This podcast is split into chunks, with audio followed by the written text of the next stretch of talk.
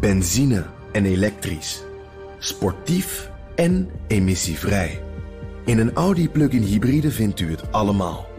Ervaar de A6, Q5, Q7 en Q8 standaard met quattro vierwielaandrijving. Wat u ook zoekt, u vindt het in een Audi. Audi. Voorsprong door techniek.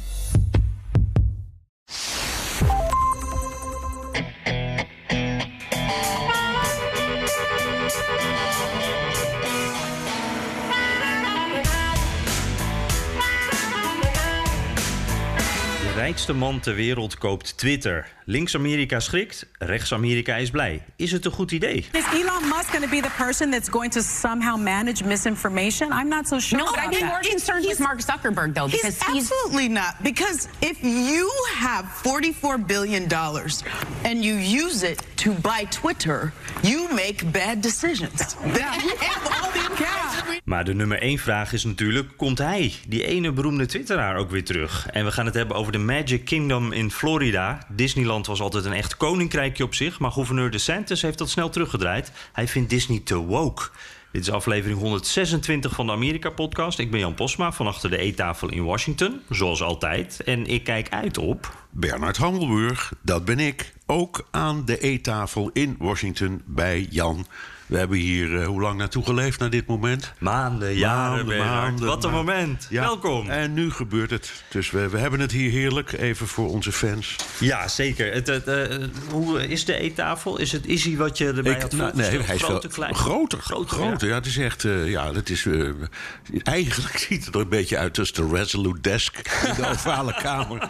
Dus, Het is stijl. Ja, het is stijl. Maar het is een mooi groot bureau. En daar staat, even, het moet toch even zeggen, er staat een prachtige radio. Ik denk uit de jaren 50 of 60 van het vorige eeuw. Ja, klopt. Die is van Van Barbara. En die, eh, die hebben we meegenomen uit Nederland. Oh, En wat een mooie. Hij, doet het ook nog, ook zelfs hier. Ja. Eh, maar eh, hij staat er toch vooral te pronken. Inderdaad, als, schitterend. wij als Nou ja. radiojournalisten. Ja, als radiojournalisten kijken we daar graag naar. Ja, hey, en, en jij bent dus weer in Washington. Leuk. Ja, Eh, je was, jij gaat om de zoveel tijd kom je hier wel eventjes. eh, ja het volgens was, mij, het was, het was in, in de, de- toen ik eh, hier correspondent was, dat is eh, 121 jaar geleden. Washington bestond net. Washington bestond net. Nee, maar toen was het toch heel goedkoop om eh dat te komen. Met de trein of met het vliegtuig. Het kostte bijna niks. En toen had ik met een aantal... Ik woonde dan in New York. Maar met een aantal collega's had ik midden in Georgetown... op de hoek van Wisconsin Avenue en M Street... dat is dat bekende, eigenlijk het gezelligste punt van de hele Ja, stad. ja. Daar hadden we gezamenlijk een kantoor. Ja. En daar ging ik eh, één of twee of drie keer in de week gewoon heen. Want dan ging je s'morgens heen en s'avonds terug. En we hadden ook een slaapkamertje. Dus als het uitliep, dan konden we daar Ideaal. slapen.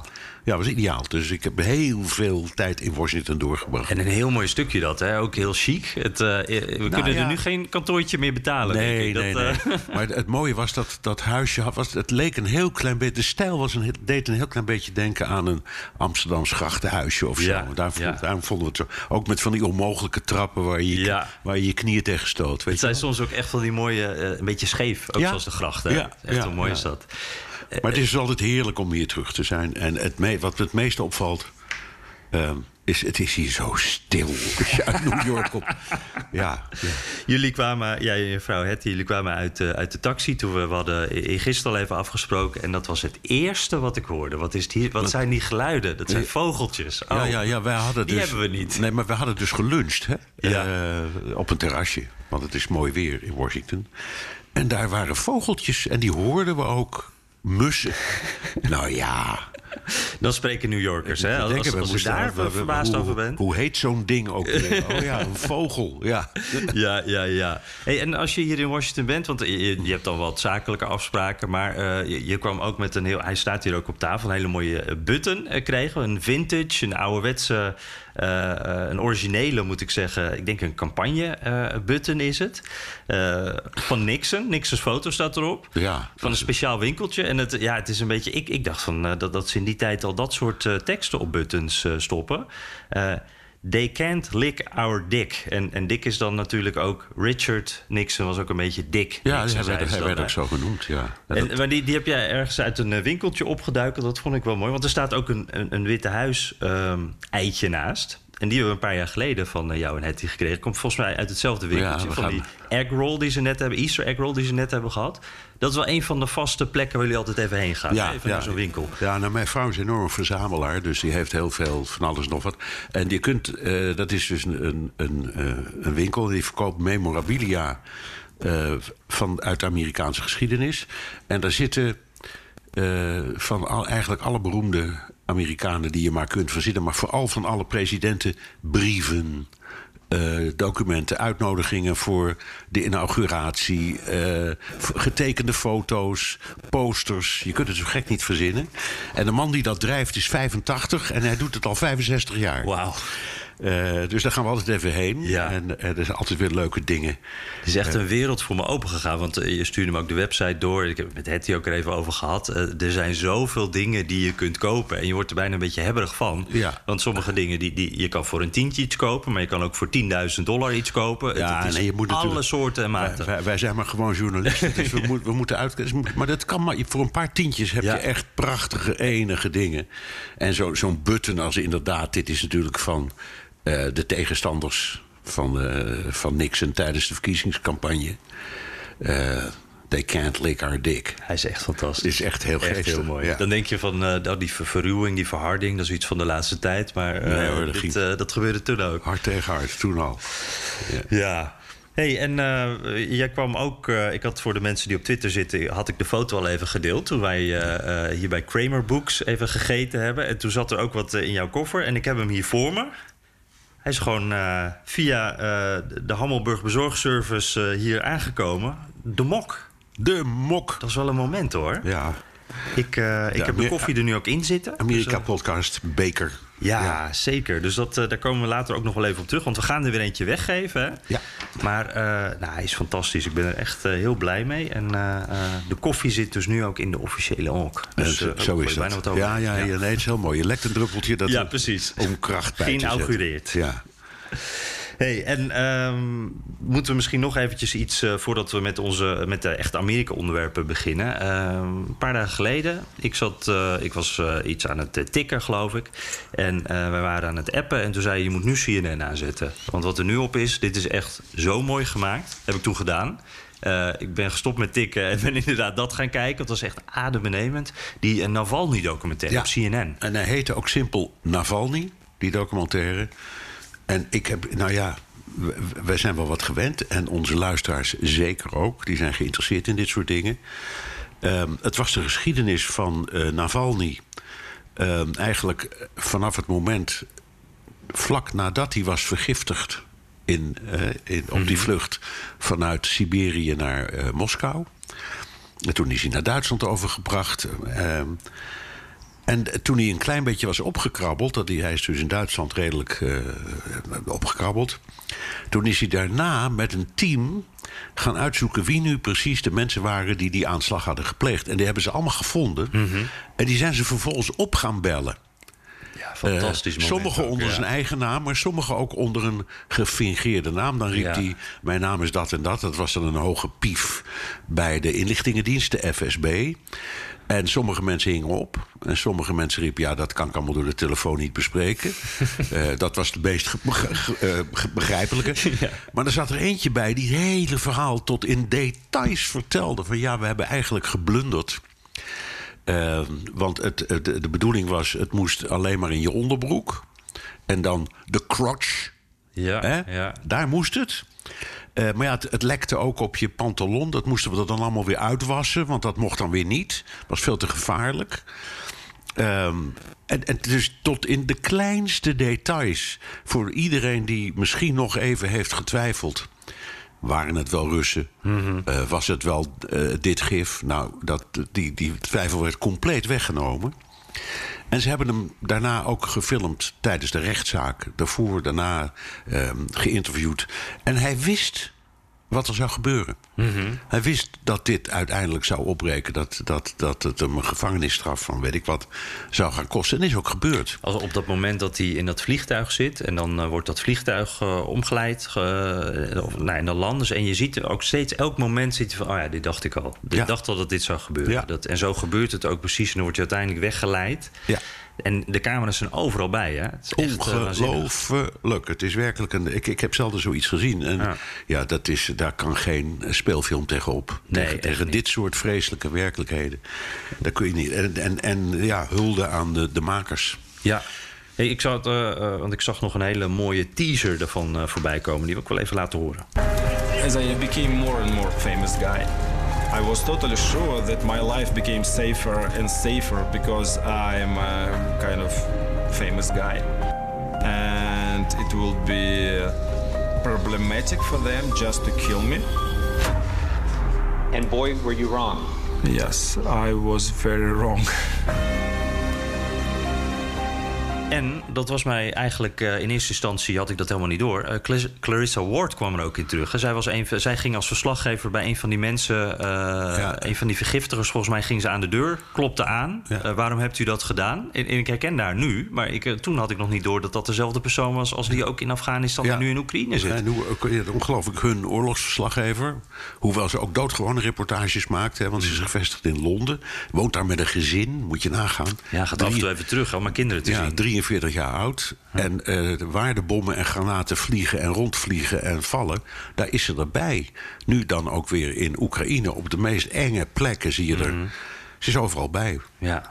De laatste van de echte oorlogsverslaggevers, denk ik, die er nog zijn. Ja, ja, Ja. is dat echt... eh, Ja, de manier waarop, waarop zij weer. Ik heb, neem een petje Wat, maakt haar dan de echte? Nou, dat ze eh, gewoon, ze gaat gewoon precies naar waar het gebeurt. Ze trekt Ja, er nergens ze iets zit van er echt aan. middenin. Ze zit er middenin. En, en hoe kan het dan dat zij dat, eh, dat, dat, zij dan, dat dan nog wel kan doen? Is dat dan ook het team van CNN erachter? De- Ja, natuurlijk zit er een productieteam aan. En ze heeft eh, één of twee cameramensen waarmee ze altijd reist. Mhm. Eh, en soms een producer, maar meestal kan dat helemaal niet. Maar ja, dan zie je er ook als ze door die. eh, in, in Afghanistan. Daar, eh, daar, daar, daar liep ze met een boerka. Ja, Eh, ja. an- Anders konden ze het tussen de. En, en, Ze- Zij interviewde eh, Taliban eh, en toen... te interviewde Taliban mensen. in, in Kabul, ja. Ja, dus ze zit ook. En ze spreekt ik, vijf of zes talen, waaronder Russisch. ja.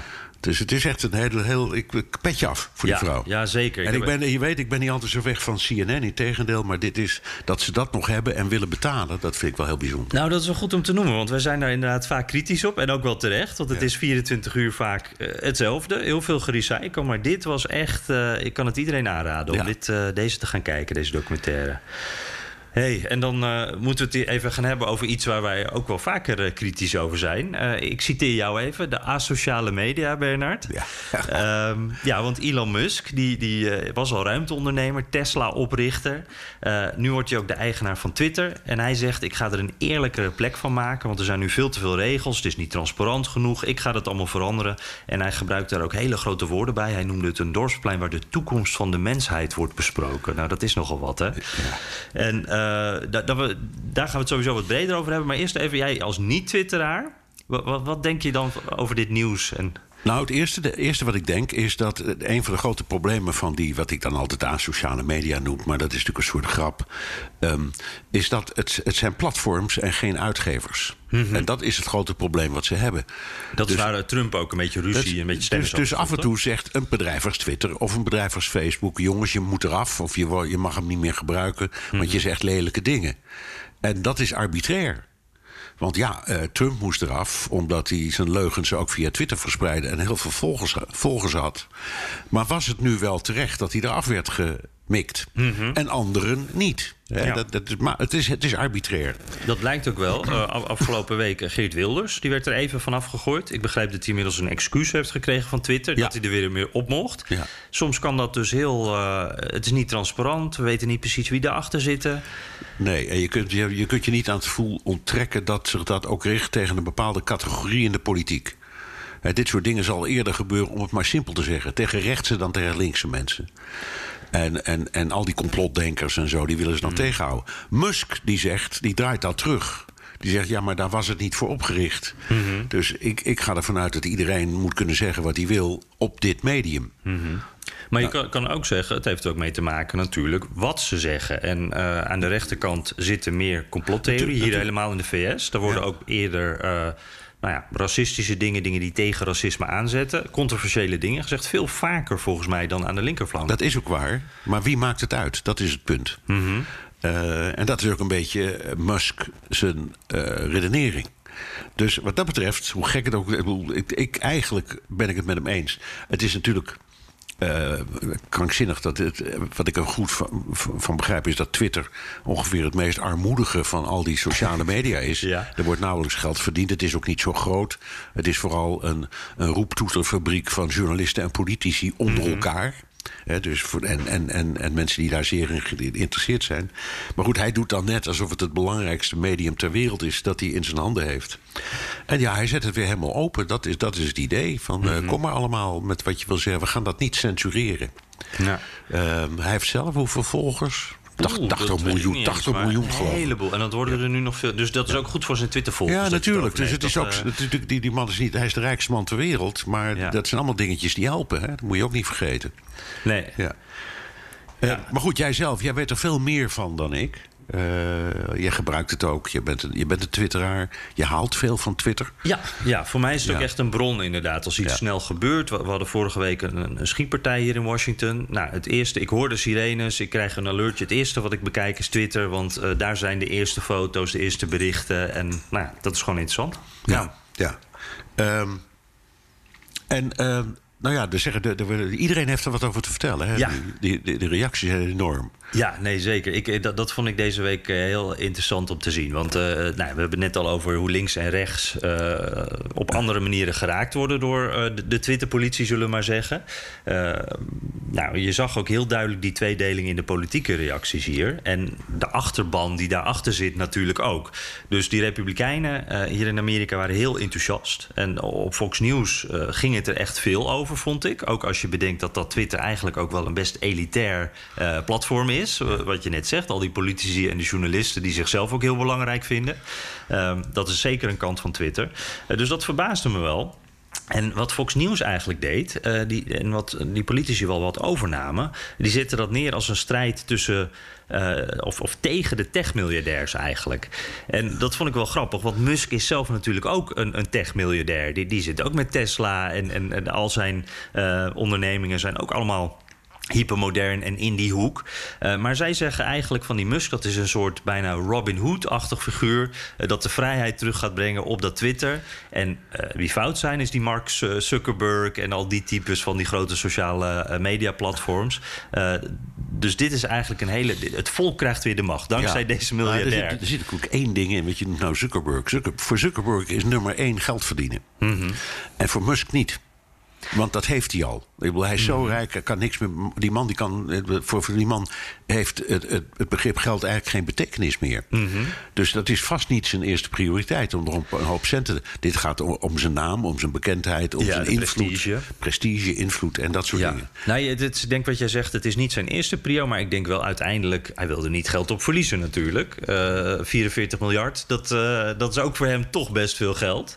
Eh, dus ik denk wel dat dat nog wel een interessant punt wordt. Dat hij daar een beetje in moet gaan schipperen ook. Maar ik kom er zo denk ik nog wel even over. Want eh, die Republikeinen die hebben het dus heel erg over... wij worden gecensureerd. Eh, ik zie ook vaak conservatieve twitteraars die zeggen... ik ben allemaal volgers aan het kwijtraken. Dat komt door Twitter. Twitter is mij aan het tegenwerken. Dat, dat vind ik echt wel wat tegen complottheorieën aanschurken.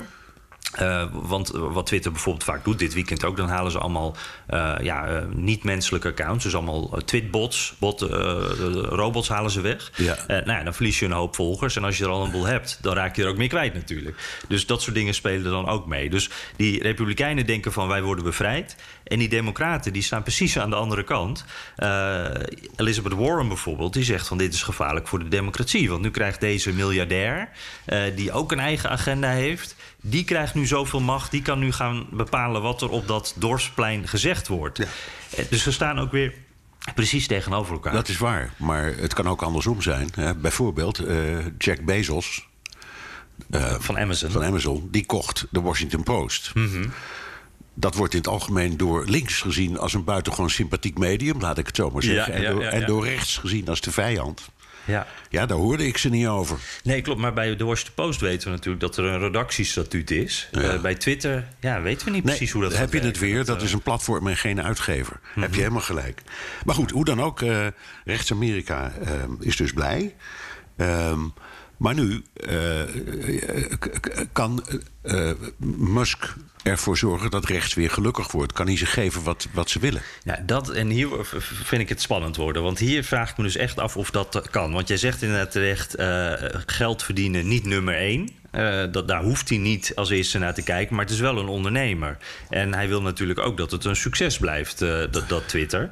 Eh, dus het zal wel meespelen. Als iedereen daar gaat weglopen. Er zijn allemaal mensen op, op Twitter, dus vooral aan de linkse kant, die zeggen van ik ga weg. Nou, ik moet het nog zien. Maar goed, er wordt mee gedreigd. Dat wil hij natuurlijk ook niet, een leegloop. Dus dat is toch iets wat, waar hij over na moet denken. Hij kan niet zo met de bottenbijl erop in. En dan zijn er ook nog eh, ehm, eh, de, regels, bijvoorbeeld in de EU. Eh, die hebben ook al gedreigd van pas op. hè, wij hebben bepaalde regels waar je ook aan moet houden. En ja, daarnaast wat ik ook gewoon wel heel benieuwd naar ben... die, die, die, conservatieve twitteraars... die denken allemaal dus dat er nu iets gaat veranderen. Dit wordt echt een soort... Die zien het echt als een revolutie. Dus er gaan echt teksten op Twitter rond van... nu worden, wordt het personeel ook... nou, ik, ik noem even, hij gebruiken dit woord niet, maar gezuiverd, zeg maar. Eh, alle linkse woke types worden eruit gehaald. Nu wordt het echt de vrijheid en ons platform. En dat geloof ik dus niet zo, dat we een groot verschil gaan zien. Nee, dat denk ik ook niet. Dus ik denk dat er wel een beetje teleurstelling eh, gaat zijn. Ja. En wat ik me ook nog afvroeg, want eh, hij is natuurlijk vaak. eh, ehm, hij ligt ook wel eens in de clinch met zijn eigen werknemers, hè, met Tesla. Eh, Ja. Daar willen ze ook eh, vakbonden vormen. Nou, dat mag niet van hem, dat houdt hij tegen. Ik ben benieuwd hoe ver die vrijheid van meningsuiting voor hem ook gaat. Hoe leuk hij het nog vindt als zijn eigen werknemers van Tesla op Twitter gaan klagen over die vakbonden bij Tesla en de werkomstandigheden. Ja, ja, want hij is wel een dictator. Eh, en hij is ook een beetje een verlicht despoot. Om- Ja, in- ja, in dat is wel mooi want, gezegd, ja. want wat hij, wat hij, hij betaalt wel goed, dat personeel. Dus wat hij, wat hij probeert, is bekende Amerikaanse tactiek... is om de vakbonden buiten de deur te houden... door een duppie of een dollar meer te betalen per uur, ik noem maar wat. Mhm. Eh, en dat ook tegen het personeel te zeggen. Van als je die vakbond eventjes negeert... dan krijg je gewoon wat meer salaris en dan zijn we er klaar. Ja, precies. En dat is zijn stijl. Ja, ja. Eh, En daar kom je heel ver mee. daar kom je heel dat ver zie je overal hier. Ja, ja. ja, zeker, zeker. Ja, ja en dat, eh, ja, dat is, en, maar, maar uiteindelijk denk ik, dat, daar zijn we het volgens mij wel allebei over eens. Die transparantie, dat is wel belangrijk. Als stel dat hij daar een stap in kan maken, dat het wat duidelijker wordt waarom bepaalde besluiten worden genomen, Ja. zou wel een winst zijn. Vind ik ook. Dat, vind ik eh, ook. ja. En wat dat betreft eh, ben ik het ook wel een aantal keren eens geweest met, laten we zeggen, de mensen van rechts die de pas werd afgesneden. Omdat soms denk je, ja, dit is zo rabiaat, dat kan ik me dan nog wel voorstellen. Mhm. Maar soms denk ik alleen, ja, eh, dat, dat is misschien een beetje complotterig gedacht. Of het is misschien een beetje filijn. Maar mag het alsjeblieft, hè, in, een, in een vrije wereld. Die mensen mogen ook zeggen wat ze willen. Ja. Dus ik ben he- inderdaad heel benieuwd. En ik ben ook heel benieuwd in hoeverre hij zich daar zelf mee gaat bemoeien. Ja, ja. Ja. want hij heeft eh, zijn opvattingen, maar er is natuurlijk een enorme staf. Eh, dat koopt hij allemaal mee voor die meer dan 40 miljard. Mhm. Dus ja, hoe gaan ze het aanpakken? Wordt spannend. Ja, zeker. En, en wat jij nog eh, zegt, eh, dat, dat vind ik ook wel interessant. Ik vind namelijk ook wel, je mag het eigenlijk wel zeggen. En dan moeten mensen dat ook maar op waarde schatten. Ik denk dat mensen daar slim genoeg voor zijn. Maar eh, wat mij dan altijd wordt tegengeworpen, als ik zeg bijvoorbeeld van, van mij mag Trump namelijk wel weer terugkomen op Twitter.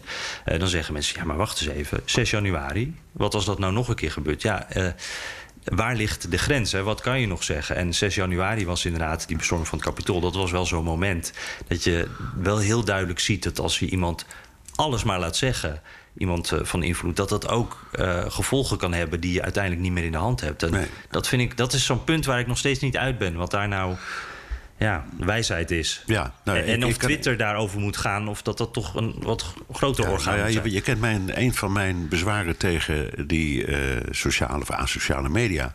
Is dat wat ik altijd zeg: eh, je, je opent het riool. Dus het is ongetwijfeld zo dat jij en al die collega's en die politici... en soms, soms op be- behoorlijk harde toon met elkaar discussiëren... maar elkaar ook van nieuws voorzien en tips en noem het allemaal maar op... en meningen die soms best de moeite waard zijn. Maar voor hetzelfde geld krijg je dit soort dingen... en wordt het een oproepmechanisme om, eh, ja, eh, om een revolutie te beginnen. Ik noem maar wat. Dat kan zo gebeuren. Ja. Dat is mijn eh, bezwaar. En ik, ik, ik, ik, ja, ik zou niet weten op welke manier je het kunt regelen. Ehm, en inderdaad, 6 januari is een prachtig voorbeeld. Hoewel, toen was Trump zelf al lang van Twitter afgeflikkerd. Toch? Eh, nee, niet? 6 januari was de, de aanleiding. Oh, was de Dat aanleiding. dat hij er is afgegooid. Oh, toen Ja, is hij ja, eraf ja. gegooid. Ja, precies. Ja, ja, ja, ja, ja, ja. Dus, maar toen heeft hij dus al, al maandenlang eh, natuurlijk al die, eh, die, verkiezingsleugens kunnen verspreiden. En, en hier naartoe kunnen werken. Dus dat...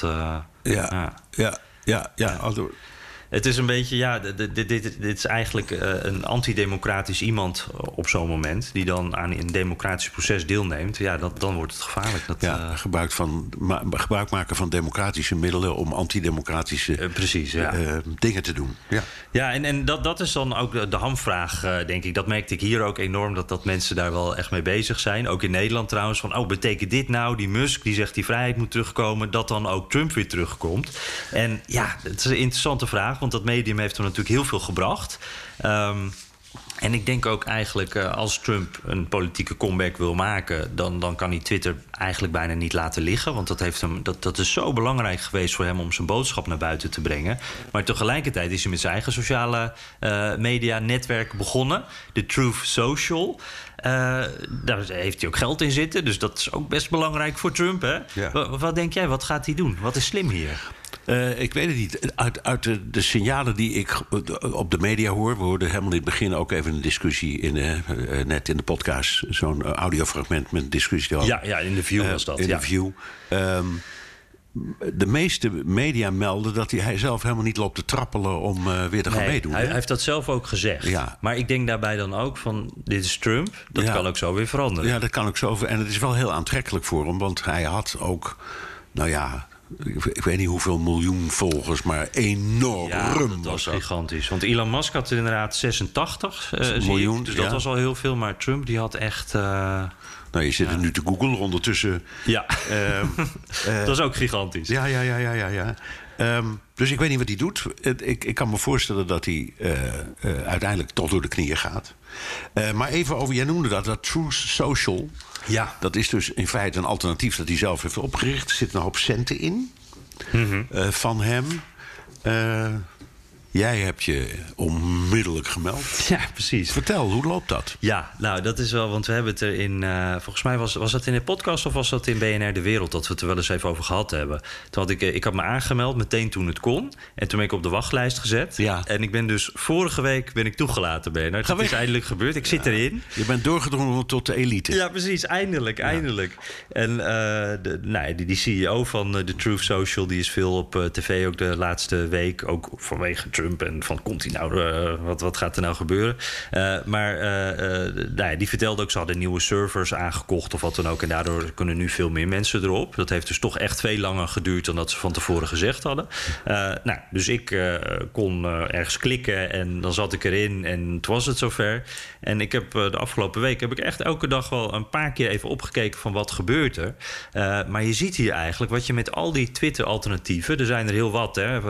Getter en eh, eh, nou ja, allemaal van dat soort... va- heel vaak op rechts georiënteerd. Eh, Twitter-alternatieven waar je alles mag zeggen... Ehm, dit is er ook zo een. En het probleem elke keer is dat het daar gewoon heel saai en stil wordt. Want iedereen is het met elkaar eens. Dus Ja, ja, ja, ja, je ziet alle Fox News, eh, of niet alle, maar een paar prominenten zitten er. Er zitten heel veel eh, rechtse denkers. maar die zijn dus allemaal boos om dezelfde dingen en blij om dezelfde dingen. Daar wordt het heel saai van. Ja. En, en Maar wacht even, even, even een, een concrete vraag. Er is nu een hele rel over Marjorie Taylor Greene. Ja, wanneer, wanneer is die rel er niet? Nee, precies, Maar er- permanent. Maar er, is nu weer een nieuwe, omdat ze dus... eh, ook rondom die 6 januari zou hebben eh, opgeroepen tot eh, om de staat van beleg af te ja, kondigen. martial law, hè? Ja, ja en, dat, en dat ontkent ze dan weer helemaal niet waar. Maar er is inmiddels een geluidsopname waarin je het er duidelijk hoort zeggen. Kortom, die vrouw die slaagt erin om eh, wel wekelijks, wel op een of andere manier op de meest controversiële wijze in het, ehm, in het nieuws te komen. Ja. Zie je daar dan op deze eh, alternatieve Twitter-account van Trump... zie je daar dan wel een discussie over ontstaan? Nee, nee, Ook niet. Nee, nee, nee. En dat is inderdaad. Want het Want dat, Als er nou een moment is om dat te laten gebeuren... want er- in feite is zij nog, zij is nog steeds van eh, stop de stiel. Ja. De verkiezingen zijn gestolen. Ja. En dat is toch een hele hoop republikeinen die dat ook vinden. Dus ik zou zeggen, zo'n moment... Mhm. ja, als ik tot die groep hoorde... dan zou ik, me, dan zou ik me- mezelf willen laten horen. Ja, je hebt gelijk. Ja, en, en da- daar zou je ook nog wel discussie kunnen krijgen. Want zij heeft, ze, ze heeft een soort hoorzitting gehad hè, voor de rechter. Omdat dat, nou ja, goed, Ja. eh, zullen we niet helemaal ingaan. Maar er werden al die vragen gesteld. En toen gaf ze eigenlijk altijd als antwoord: dat weet ik niet meer. Nee. Ik, ik weet niet meer of ik Ja. martial law heb ingesteld. Ik weet niet meer. Nou, nu hebben we sms'jes waarin je ziet dat ze het wel, eh, spelt ze het ook helemaal verkeerd. Maar goed. Dus je ziet dat ze Ja, martial law met dubbel L. ja, fantastisch. Ja, ja, ja. Ja. En, eh, maar het, het, het, eh, eh, dus je zou kunnen zeggen van, nou, misschien zijn mensen wel boos op die rechter dat al die vragen aan haar worden gesteld. Misschien vinden ze het ook wel slap. Dat vind ik namelijk. Die Mar- ik vind het slap van haar dat zij, zij heeft altijd de grootste mond op Twitter voor de camera's. Ze, ze, roept, Ja. ze roept altijd van alles. En nu wordt ze dan een keer gevraagd, ja, maar vind je het echt onder Ede? En dan is het, ja, ik kan me niet herinneren. Nee, maar als je onder Ede roept... ja, dat heb ik inderdaad gezegd... heb je kans dat je de bak in gaat. Hè? De- helemaal waar. Dus, dus dan, neemt, dan dan is het risico te groot. Dat is, dat is helemaal waar. Maar tegelijkertijd is dit ook het moment dat je, vind ik dan, een beetje ontmaskerd wordt. Ja. Eh, maar dan zie ik geen enkel kritisch geluid daarop over eh, op de Truth Social. Eh, wa- want daar is gewoon geen oog voor. Nee. En dus het is geen spannende plek. Het is een saai. En wat ook heel raar is, eh, Trump die heeft één, eh, ja, de Truth heet het dan. Hij heeft één Truth heeft hij gestuurd. Dat is maanden geleden. En sindsdien is het stil. En hij heeft deze week dus gezegd, ik ga het weer meer doen. Eh, nu nu eh, dan wordt gesuggereerd dat hij naar Twitter moet komen. Maar ik heb nog niks gezien. Niks. Heel raar. Dus eh, nou ja, blijft er nog even stil, geloof ik. Right. Hey, eh, moeten we ook nog even naar Florida, hè? Want Zeker. eh, ja, dat was al een bijzonder verhaal. Uh, DeSantis, de gouverneur, ook zo'n echte Trumpist... die gaat het gevecht aan met Disney. Eh, of is dat al aangegaan? Eh, Disney die raakt een speciale po- positie kwijt. En dat doet de DeSantis omdat hij Disney te woke vindt. En hij is dan met name boos over wat eh, eh, ja, de tegenstanders van die wet... we hebben het er ook over gehad, noemen dat de Don't Say Gay Bill. Heeft eigenlijk een hele ingewikkelde andere naam, maar zo kennen we hem. Ehm, nou ja, daar is hij boos om, hè, die DeSantis. Ja. ehm, het, komt erop neer. eh, eh, het gaat over het park. Hè? Het gaat over Disney World. Ja, want dat, is, want dat, Ja. is daar gevestigd. En dat heeft, ja, dat is een staat in een staat met eigen belastingssysteem en eigen wetten, zal ik maar zeggen. Dat wilde het staatsparlement opheffen en die wet heeft hij getekend. Mhm. Dus het is nu formeel opgeheven. En het gaat er eigenlijk om dat je alles wat te maken heeft, wat, wat te maken heeft met seksuele ontwikkeling en vooral. Ehm, de dingen als eh, eh, homo, gender, homo, ja. eh, lesbisch, ga zo maar door. Dat mag op school niet meer worden onderwezen tot de leeftijd van negen jaar. Ehm, en dat is een onder- onderwerp dat heel veel republikeinen ook heel belangrijk vinden. Zeggen nee, dat moet, dat moet ook niet gebeuren. Eh, andere mensen, maar dat, ja, het is, het is, het is niet anders, maar eh, vooral democraten dan toch. Het is niet, het is, het is, Ja, het is wat het is, ja. Die zeggen, ja, mogen we dat alsjeblieft zelf uitmaken? Eh, dat, dat doen wij thuis, maar dat moet op school ook gebeuren. Want Ja. onderdeel van de samenleving, hou het toch op. Ja, de Democraten zeggen eigenlijk dit hoort bij het leven, dus dat moet je Dat bespreken. leven, ja, en moet je gewoon- Republikeinen zeggen van ja, die hebben het dan over groomen meteen. En alsof die kinderen dan ook, eh, nou ja, bij wijze van spreken, homo gemaakt worden door, door dit soort. Ja, er heerst nog altijd een vooroordeel. En pedofilie dat, en allerlei dingen worden En zij lijden dus aan het vooroordeel dat, dat, eh, dat het niet aangeboren is... of geen onderdeel van je DNA of zo. Maar dat het als het ware is aangeleerd. Hè? Dat Mhm. hebben ze ook altijd... Zij zijn ook altijd vreselijke voorstanders van cursussen om homo's te genezen. Ja, ja, en van ja, dat soort vreselijke dingen. Heel erg. Ja. Ehm, maar dit, dit, de- eh, dit leidt niet alleen tot eh, ik zeg maar onrust onder de tegenstanders van eh de Santis en het huidige Republikeinse parlement in Florida, maar ook het personeel. Ja, Want die zeggen: ja, potverdomme. eh ja spreek je uit als bedrijf. Ja, waarom is de baas niet in stelling gekomen? En heeft Mhm. gezegd: ja, je, je doet maar de Santis, maar we, we slepen je voor de rechter. En gaan we eens, eens even kijken eh, hoe dat gebeurt. Gaat dat gebeuren trouwens? Komt hier, denk je, Ja, ik denk dat er wel wat gaat gebeuren. Ja, zeker. Dat, dat wordt wel een eh, rechtszaak. Ja. ja, omdat ik weet niet of die, niet door Disney, maar eh, wel dat dat gaat. Er zijn natuurlijk allerlei organisaties die het hier helemaal niet, niet mee eens zijn. Nee. En wat betekent nou, wat raken ze nou precies kwijt? Di- Disney bedoel Ja, je? Disney. Ja, ja, precies. Ja, nee, dat, dat, is wel interessant, ja. Want ik, ik wist dit helemaal niet. Eh, jij misschien wel? Ik, eh, had jij idee van dat, die speciale positie van Disney? Ik had geen idee, nee, tot, tot, echt- nee, totdat in, in het staatsparlement deze kwestie ter sprake kwam, had ik er nog nooit van gehoord. Ik ook Nee. niet. Maar ze waren dus echt een klein koninkrijkje. En Ja. ze mochten alles zelf regelen. Dus ze hadden hun eigen brandweer, eigen soort politiemacht. De Ja. wegen daar eh, in dat gebied worden allemaal... Dus niet alleen eh, als je zeg maar je kaartje hebt eh, laten zien... en je bent door het poortje, maar ook de weg ernaartoe. Dat hele gebied, dat, dat, dat wordt allemaal door Disney wordt dat onderhouden en, en geregeld. Eh, met als eh, eh, ja, gevolg dat ze dus... eh, eh, eh, eigenlijk, dat scheelt de, de, de- die gemeentes heel veel geld natuurlijk. Want Disney doet het allemaal zelf. Eh, Die betaalt het allemaal zelf. Maar Disney mag het ook allemaal zelf bepalen. Dus ze hebben enorme, eh, eh, enorme vrijheid daarin. En het, Disney hoeft natuurlijk ook niet zoveel belasting te betalen. Want ze kunnen het allemaal zelf veel goedkoper, efficiënter en, En op hun doen eigen het, manier en, doen. en ze doen het ook. En die hebben het over die toegangswegen. Nou, dat zijn, dat zijn een van de weinige stukjes snelweg in Amerika... waar geen enkel pothol of gat is in zit. het is- ja. feilloos. Hè? Het, en, en die parkeerplaats, 's werelds grootste parkeerplaats, hè? Disney World... Ja. dat werkt allemaal zo goed. En het is allemaal zo mooi. Daar kan een gemeente nooit aan tippen. Ja, Dus dat ik, zie- het is grappig dat je dat zegt, want het is inderdaad een, een biljartlaken daar. Het is fantastisch. Het zijn de mooiste wegen. Geen afval. Ik had daar niet bij nagedacht, maar dat komt daardoor natuurlijk. Ja, ja schi- schi- schitterend. Ehm, Ja. en, en nou eh, ook wel los van deze kwestie, hè, want dit is natuurlijk een. Nou ja, wat, wat, wat de Amerikanen dan noemen een moral issue. Mhm. hè, de, de- die, die gendertoestand. Maar je kunt ook zeggen, nou, een staat in een staat, alleen maar omdat je grootmachtig en een bedrijf bent.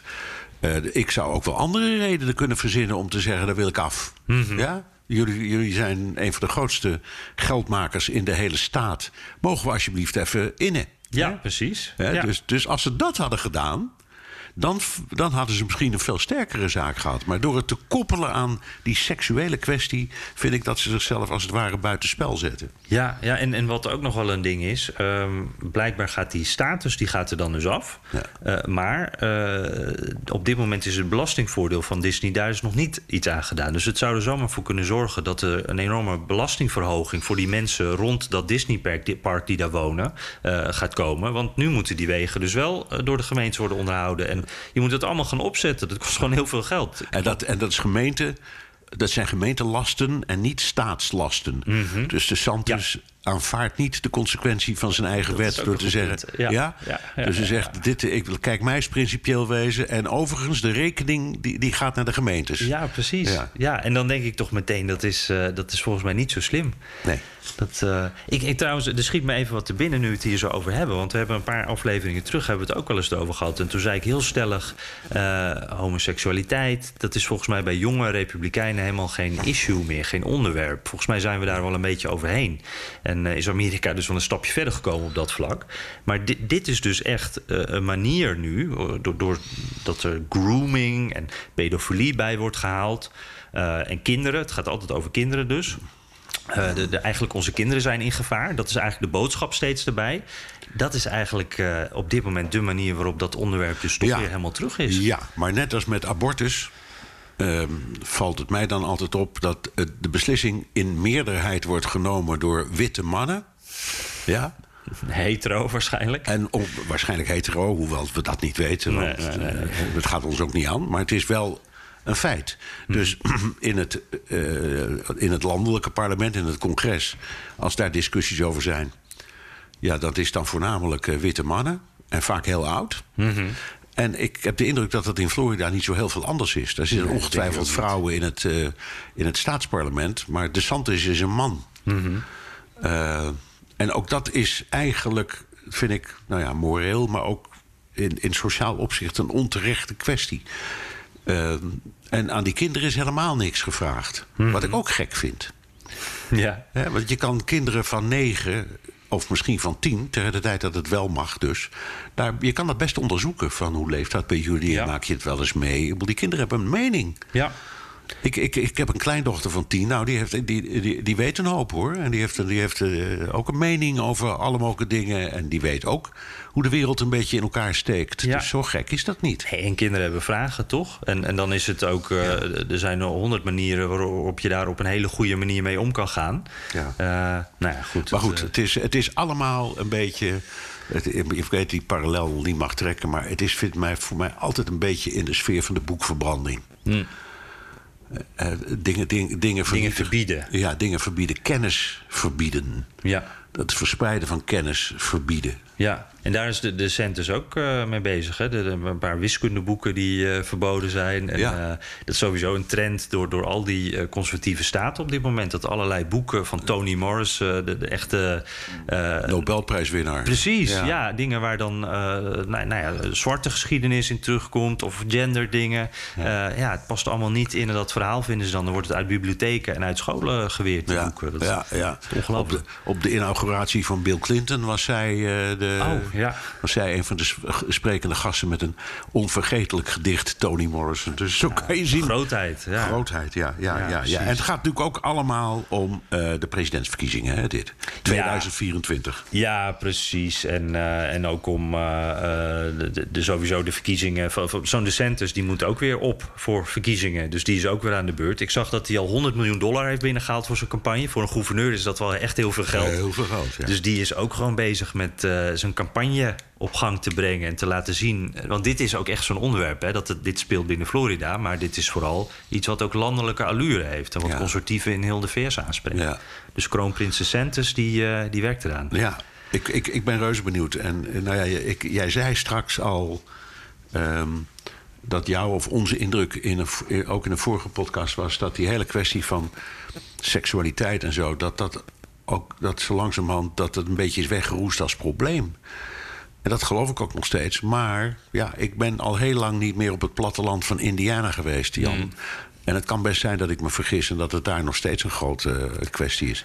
Dat, dat, dat weet ik niet. Nee, ik, ik- homoseksualiteit en alles wat daarmee te maken heeft, die, die gender issues zeker. Ik denk dat, Dat er echt, het verschil is heel groot tussen eh, New York en Washington, waar wij wonen, en, en wat daar op het platteland inderdaad eh, speelt. En niet eens op, ook in steden eh, in die gebieden, in die eh, Midwestern states. Dat, Ja. ja.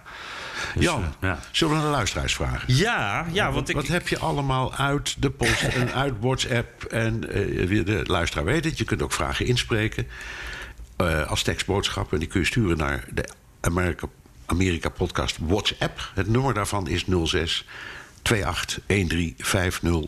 Staat ook op de site, voor het geval je het zo snel niet kan opschrijven of onthouden. Ja, en aan het eind doen we hem geloof ik ook nog wel een keer. Dus eh, ja, en er waren er weer veel. Dus eh, dank daarvoor. We, we proberen zo ver mogelijk te komen. Laten we even eh, beginnen met een, eh, een audiovraag via de WhatsApp eh, uit Megen. Binnenkort vlieg ik naar Amerika toe, naar Austin in Texas, om een bruiloft bij te wonen waar ik ben uitgenodigd. Ik plak er meteen een vakantie aan vast en ik zag toen ik aan het rondkijken was daar in de buurt dat er een plaatsje Nederland heet. Wonen hier ook Nederlanders en waar wonen eigenlijk de meeste Nederlanders in Amerika? Nou Bernard, ik had nog nooit van eh, Nederland, Texas gehoord. Er zijn heel veel Nederlanden in eh, Amerika, maar er is dus ook eentje in Texas. En jij zei meteen, ik ben er geweest. Ik wel, ik ben er geweest en wel om de volgende reden. Er is ooit een verschrikkelijk schandaal geweest met een laborante in een, eh, eh, in- ik meen in Oklahoma, weet ik niet meer helemaal zeker, in een, eh, een nucleaire fabriek waar plutonium werd gemaakt. En die vrouw heet Karen Silkwood. Ehm, en die, die, is, die, die heeft geprobeerd om de bond, de vakbond binnen te halen. Onder andere met het argument dat mensen daar gevaar liepen door straling. Eh, dat bleek ook achter was onderzocht, dat bleek ook waar te zijn. En die vrouw is vervolgens vermoord. Die is vergiftigd. Een Navalny-achtig verhaal. En, en dit was in de jaren 70. Dit was in, hè? ergens in eh, midden, midden jaren zeventig. En die is toen ehm, of van de weg afgereden... of misschien inmiddels zo vergiftigd dat ze niet meer het stuur kon houden. Afval, die is in een greppel gereden en daarbij omgekomen. Er is een groot onderzoek gekomen. ehm, en uiteindelijk een civiele procedure. Er is ook een speelfilm voor, eh, over gemaakt met Meryl Streep... die haar speelt. Ehm, maar ik ben toen een reportage gaan maken omdat haar vader een proces begon tegen eh, de fabriek. Een civiele procedure. En die heeft hij ook gewonnen. Eh, met in destijds een enorm eh, groot bedrag. Ik geloof een half miljoen of een miljoen dollar. Dat was in die tijd behoorlijk Mhm. geld. Ehm, en die woonde in Nederland, Texas, die vader. Ah, ja. In, in, in- echt op zijn Amerikaans, in zo'n trailer. Ja. Weet je wel, zo'n, een, een hele mooie trouwens, maar wel een, hele- ja, een trailer. Dus Amerikaanser kon het niet. En die man heeft ons eh, met alle EK's ontvangen... en het hele verhaal op een hele spannende manier uitgelegd. En toen was die speelfilm er nog niet. Dus we hadden als televisiemakers echt ook een heel mooi verhaal. En we waren ook erg... eh, hoe moet ik het zeggen? We waren erg gechoqueerd over alles. Ja, want hier gaan de complot eh, Ja, minds hebben- wel even van de we- we- draaien. We hebben zelfs op het, op, op voorstel van de, van de cameraman toen eh, een auto gehuurd die daarop leek. Zo'n beetje een sportmodel. En die hebben wij, Jan, met geweld de greppel ingereden. en dat van binnenuit gefilmd. En, vervolg, en vervolgens de tri triple A, de wegenwacht gebeld... of ze alsjeblieft onze auto uit, uit de greppel konden vissen. Ja. Oh, wauw. zat jij achter het stuur? Ik Of, zat eh, achter- ja? achter het oh, stuur. wauw. Ja, ja. Auto totaal los. Nou, Ja. Nee hoor, hij, hij was nog, hij was Oh, nog, hij was nog redelijk oké. maar we wilden dat laten zien. Dat moment waarop je hè, door je vooruit dat meemaakt. Nou, ja, goed. precies. Als in een film. Ja. Hey, en, en dat eh, Nederland, Texas, eh, eh, ja, wonen daar nog Nee, Nederlanders? nee, natuurlijk niet. Niet, nee, eh, nee? nee, wonen geen Nederlanders. Het is echt, het is echt een, nou ja, een, een dorp. Ik wil niet zeggen geheugd, het is een dorpie. Ja, ja, Ja. ik had het even opgezocht. Ik ben er nog nooit geweest, maar er stond een... Nou, je kunt het overslaan hoor. ja, het is niet Ja, zoveel nee, bijzonders. nee, nee, geen, geen, want in sommige plekken is dan... Dit is wel door Nederlanders gesticht. Zeker. Dus dat is in ieder geval dan leuk. Maar je, je hebt niet een molentje in het centrum... of, een bakker, de Vries of zo. Nee, en Texas is een fantastische staat. Er is heel veel leuks te zien, maar ik zou Nederland overslaan. Ja, oké. ja, ja, ja. ja, ik ben dus in Harlingen, Texas geweest. En Ja. dat was verder leuk om te zien. Eh, want dan zie je Harlingen overal staan, maar met palmbomen. Ja, maar jij bent bevooroordeeld als Ja, Fries. ja, precies. Maar ik wou zeggen, daar was ook niks Nederlands aan. Dus dat, eh, nee. Maar goed, wel een, eh, een eh, leuke vraag in ieder geval. Dank je wel. Ehm, Dion van Dijk dan. Ehm, ja, die had een tip. Die zegt, eh, ja, dit was wel heel grappig. Want, eh, eh, nou goed, dat leg ik zo wel even uit. Graag wijs ik jullie op de Nederlandse wandelaar Tom Boerman. Die zit ook op Instagram, I Walk Around the World. Hij loopt door alle zeven continenten voor het goede doel... en heeft inmiddels Europa achter de rug en is net gestart in Amerika. En nu vlakbij jou, Jan, in de buurt van... eh, eh, momenteel Shippensburg, Pennsylvania. Eh, misschien een idee om hem eens op te zoeken, hem te vragen hoe het gaat en hoe, het, ja, hoe, hoe de Amerikanen zijn, hoe hij dat ervaart. Kan je meteen een Amerika-podcast mok met koffie brengen? Nou, dat kan hij vast wel goed gebruiken, denk ik. Nou, het grappige, Dion, de ochtend voordat ik jouw mailtje zag. Toen eh, werd ik, er is zo'n Amerika-groep eh, voor Nederlanders in Amerika op Facebook. En daar werd deze jongen in genoemd. Dus ik even op zijn Instagram kijken. En hij is inderdaad eh, op, op eh, nou nog niet op loopafstand, maar hij is echt in de buurt. Ongelooflijk. En het is echt fantastisch, want volgens mij zoekt hij ook elke dag eh, een slaapplek bij Amerikanen. Eh, en da- daar doet hij dan ook verslag van. En hij zei ook, dat is best wel veel werk. Ja. Ik word soms eh, met een eh, pistool bij wijze van spreken eh, tegengehouden... als ik het erf oploop, dat soort zaken. Eh, maar echt respect, hij loopt overdag. Hij zoekt s'avonds zijn slaapplek voor de volgende dag dan. En zo komt hij bij mensen thuis. Fantastisch. Dus ja, Ja. mooie tip. En, en, en heeft, wa- wat is het goede doel? Eh, oh, dat, dat weet ik niet. Dat is En- een goeie. Ja, ja, daar ben ik ook benieuwd naar. En, en waar kun je zijn materiaal vinden of beluisteren of zien? Ja, nou, dat, dat is heel makkelijk. Hij, eh, hij zit op eh, Instagram. Dus, daar, en hij heeft ook een website en de link staat op zijn Instagram-pagina. Maar alle foto's, het heet I Walk Around the World. Als foto's die staan op Instagram en daar kan je hem ook volgen. Er staat ook een kaartje en dat verandert ook steeds als hij aan het wandelen is. Dus ja, het is echt een mooi, mooi project. Hey, ehm, laten we nog eens eh, naar iemand luisteren. Een vraag over Dr. Oz. Het viel mij op hoeveel lelijke dingen er op Facebook worden geschreven over Dr. Oz. Hij wordt door de volgers van Sean volledig afgemaakt op Facebook en afgeschilderd als een extremist die iedereen een gezichtsmasker wil laten dragen en stiekem heel erg links is. Nu is mijn vraag: is Dr. Oz inderdaad te links voor de Republikeinen?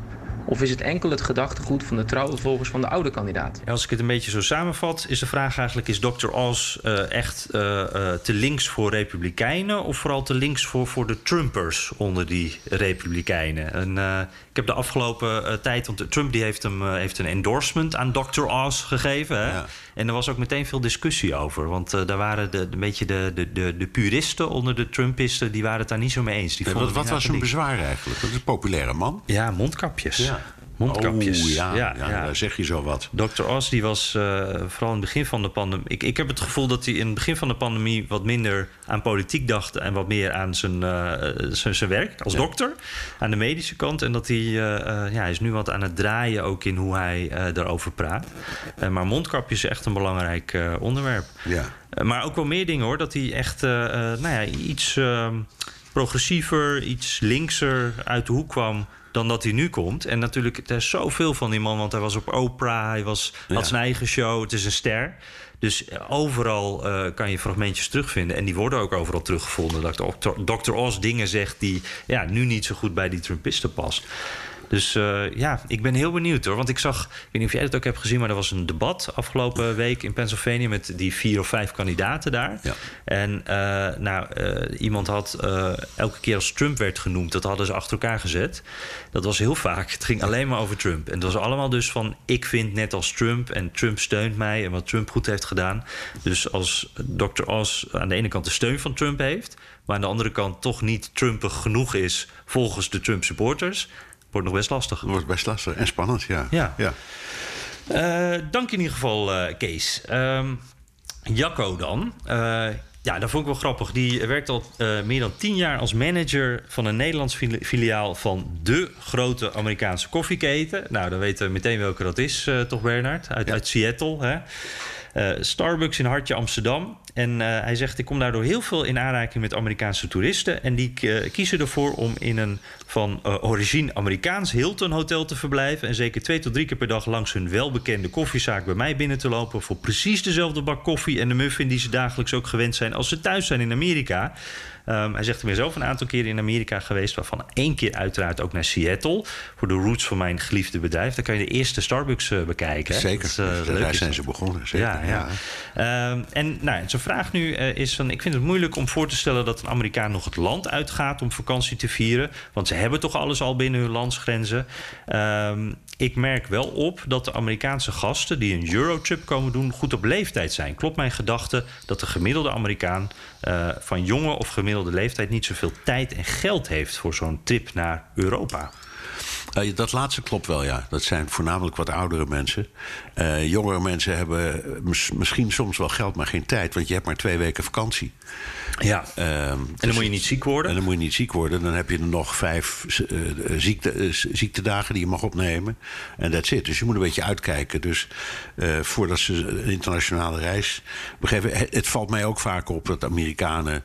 eh, graag eh, Amerikaanse dingen zoeken. Maar het is niet voor niks dat die er overal ook zijn. Ja. Er zijn overal Hilton-hotels en overal Starbucks-dingen. Dus ja, dat kennen ze. Eh, en soms is het komisch. Ik, ik sprak iemand die was in een heel chic hotel in Parijs, een Amerikaanse eh, advocaat. Eh, dus ik zei, nou, dit- daar krioelt het om, alleen al om dat hotel van de prima restaurants. Wat heb, wat heb je gegeten? Een hamburger. ja, dat is een beetje het verhaal. Het is zo, ja, want dat kent hij. En al die, Ja, die, ja, die, die ja. liflafjes, dat hoeft hij dan niet zo nodig. Eh, de jongere Amerikanen, voor zover het Amsterdam betreft... die komen maar voor twee dingen. Van Gogh en Rembrandt? Nee. Nee?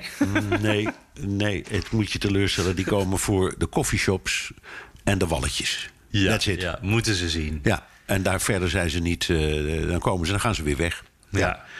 Eh, nou, het is natuurlijk ook allemaal een beetje... Het is een beetje een karikatuur. Doe nu net alsof er geen normale mensen zijn. die, eh, maar, Maar clichés, de mooiste clichés zijn waar. Hè? Ja, in dit ja, geval ja. is het wel, eh, ja, geldt dat wel. En ik heb inderdaad wel het gevoel dat in de studententijd... dan hebben ze nog wel, dan hebben ze ook even de tijd. En dan willen ze nog wel zo'n grotere reis maken. En dan komt het moment dat ze gaan werken. En dan, ja. Dan, en overigens, die zie je dan wel met zo'n zo'n rol of zo'n mooi pakket uit het Van Gogh Museum komen hoor. Dus het is niet zo dat ze dat niet doen. natuurlijk. Nee, precies. Oh ja, precies. en het Anne Frankhuis. Oh ja, ja, ja. ja, ja Als je daar de rij langs loopt, staan uitsluitend Amerikanen, Canadezen en Duitsers. Er zit geen Nederlander tussen. Nee, Ja. nee, nee, precies. Ja. Hey, eh, dank voor die vraag in ieder geval. Thijs Jansen dan. Eh, die zegt, ja, helaas heb ik al zes van de 125 podcasts gemist. Jeetje, Oei, ja. jeetje. Dus misschien heb ik het niet meegekregen... maar waarom wordt er alleen over beide partijen gesproken in Amerikaanse politiek... en nooit over de derde partij, de Libertarian Party? Toch een partij die grote mensen zoals Ron Paul... nu eh, een republikein meer, eh, groot heeft gebracht. Graag jullie visie op deze partij... en kunnen ze ooit echt een keertje meedoen? Ja, ze, doen, ze bestaan al heel lang. En het is inderdaad eh, een interessante groep. eh, met allerlei, ook soms wel redelijk extreme politici hoor, in, in het verleden.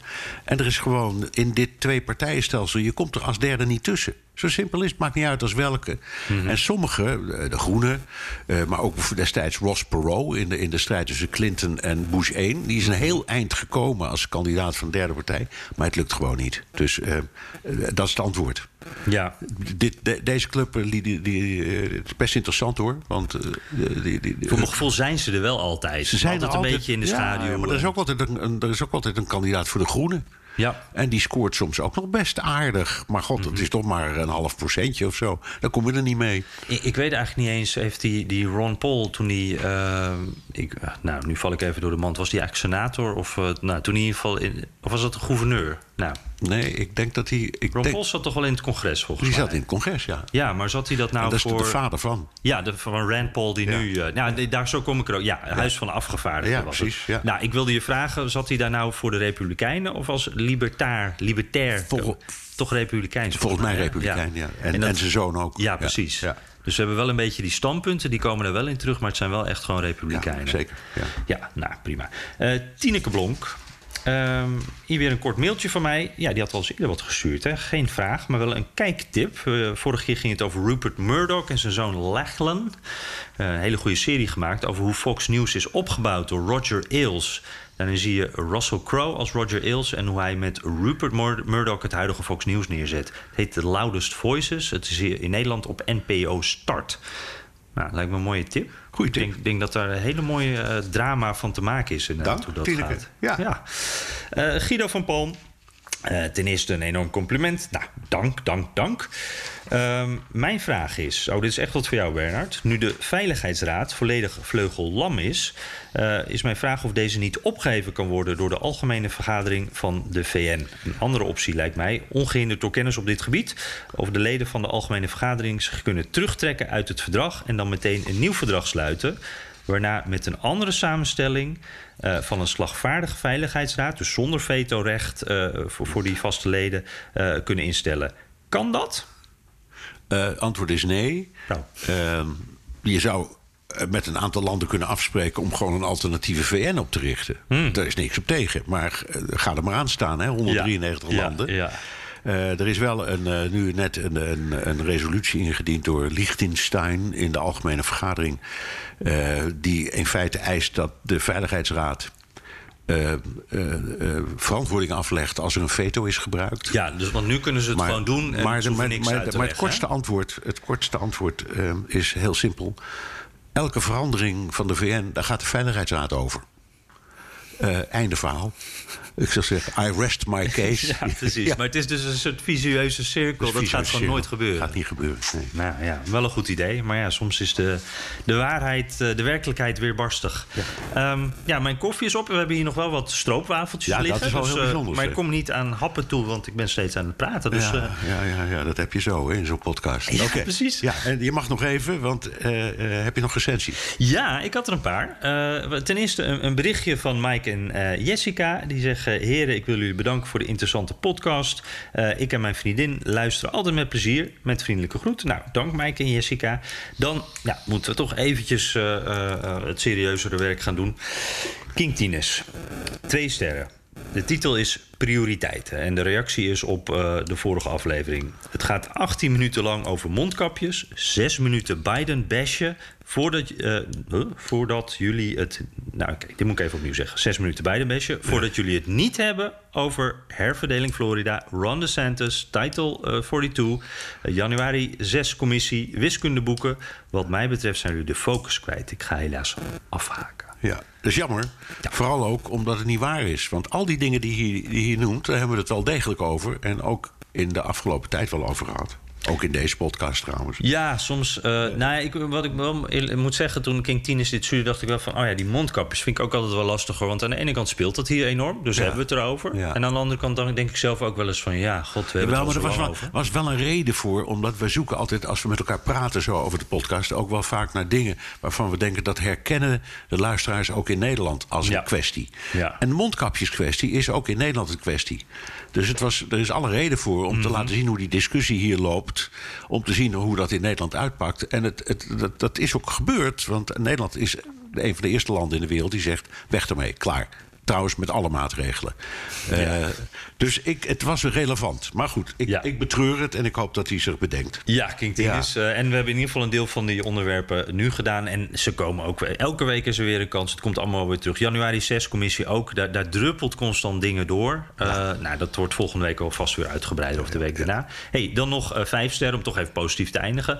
Van Hobbes 2210. Of misschien is het Hobbes, de, de, de filosoof, weet ik niet. Fijn om onderweg te luisteren, zegt hij. Al meerdere jaren luister ik de podcast. E- Eerst twee afleveringen per rit van Houten naar Brussel. Nu in twee delen van Houten naar Almere.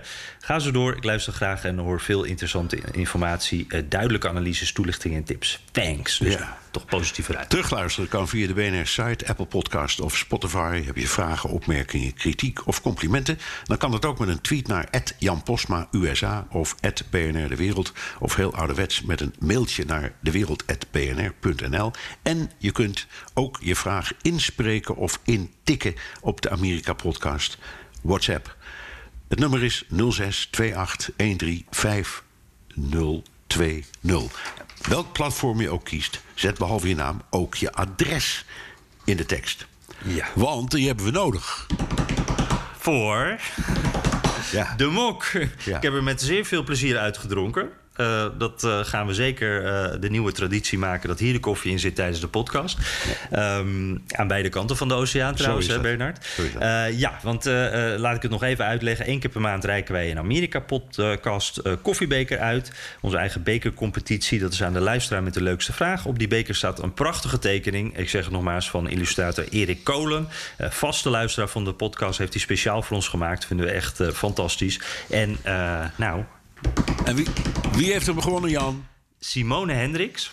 En eh, dat weet je nog wel, dat is die vraag over die accenten in Amerika. Ontzettend leuk. Dat ja. was heel erg leuk. Ja, ja. En origineel. Echt zo'n ding waarvan je dan denkt van... oh ja, hier heb ik eigenlijk eh, heel lang niet over nagedacht. Nou, Simone wel. En Simone, wij zijn hier samen makers, rechters en, recht, en jury, dus eh, wel verdiend. ja, zeker. Helemaal unaniem. Hij komt naar je toe. En eh, ja, eh, dat was hem weer, Bernard. Heel fijn en heel leuk dat je hier was bij mij aan de tafel. Dat voelde eh, heel, heel vertrouwd eigenlijk. Want eh, ja, je zit er nu echt, maar eh, normaal dan... Ja, het is toch... is, is het op afstand, maar toch een beetje hetzelfde. Het- ik, maar, maar dit is zoveel leuker. We moeten dat gauw weer doen, Jan. ja, zeker. New York of Washington of Amsterdam Ja. gaan we In, in juni hebben we trouwens eentje in Den Haag samen, hè? Mogen we nog wel even eh, zeggen. Ja, precies. Daar, daar gaan we al een beetje naar teasen. Ja, Dan, daar gaan we eh, naar teasen. We komen er nog op terug. Maar dan zijn wij samen zichtbaar voor onze luisteraars als ze dat leuk vinden. Ja. In, in Den Haag. Nou, dat wordt wat. En eh, ja, dit was me er weer eentje. Laat ons weten hoe je naar ons luistert en waar. En voor nu zeg ik vanuit Washington, samen hier aan de eettafel. Dank voor het luisteren en tot volgende week.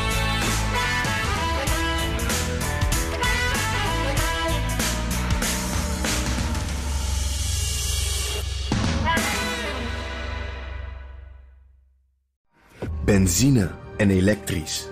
Sportief en emissievrij. In een Audi plug-in hybride vindt u het allemaal. Ervaar de A6, Q5, Q7 en Q8 standaard met quattro vierwielaandrijving. Wat u ook zoekt, u vindt het in een Audi. Audi. Voorsprong door techniek.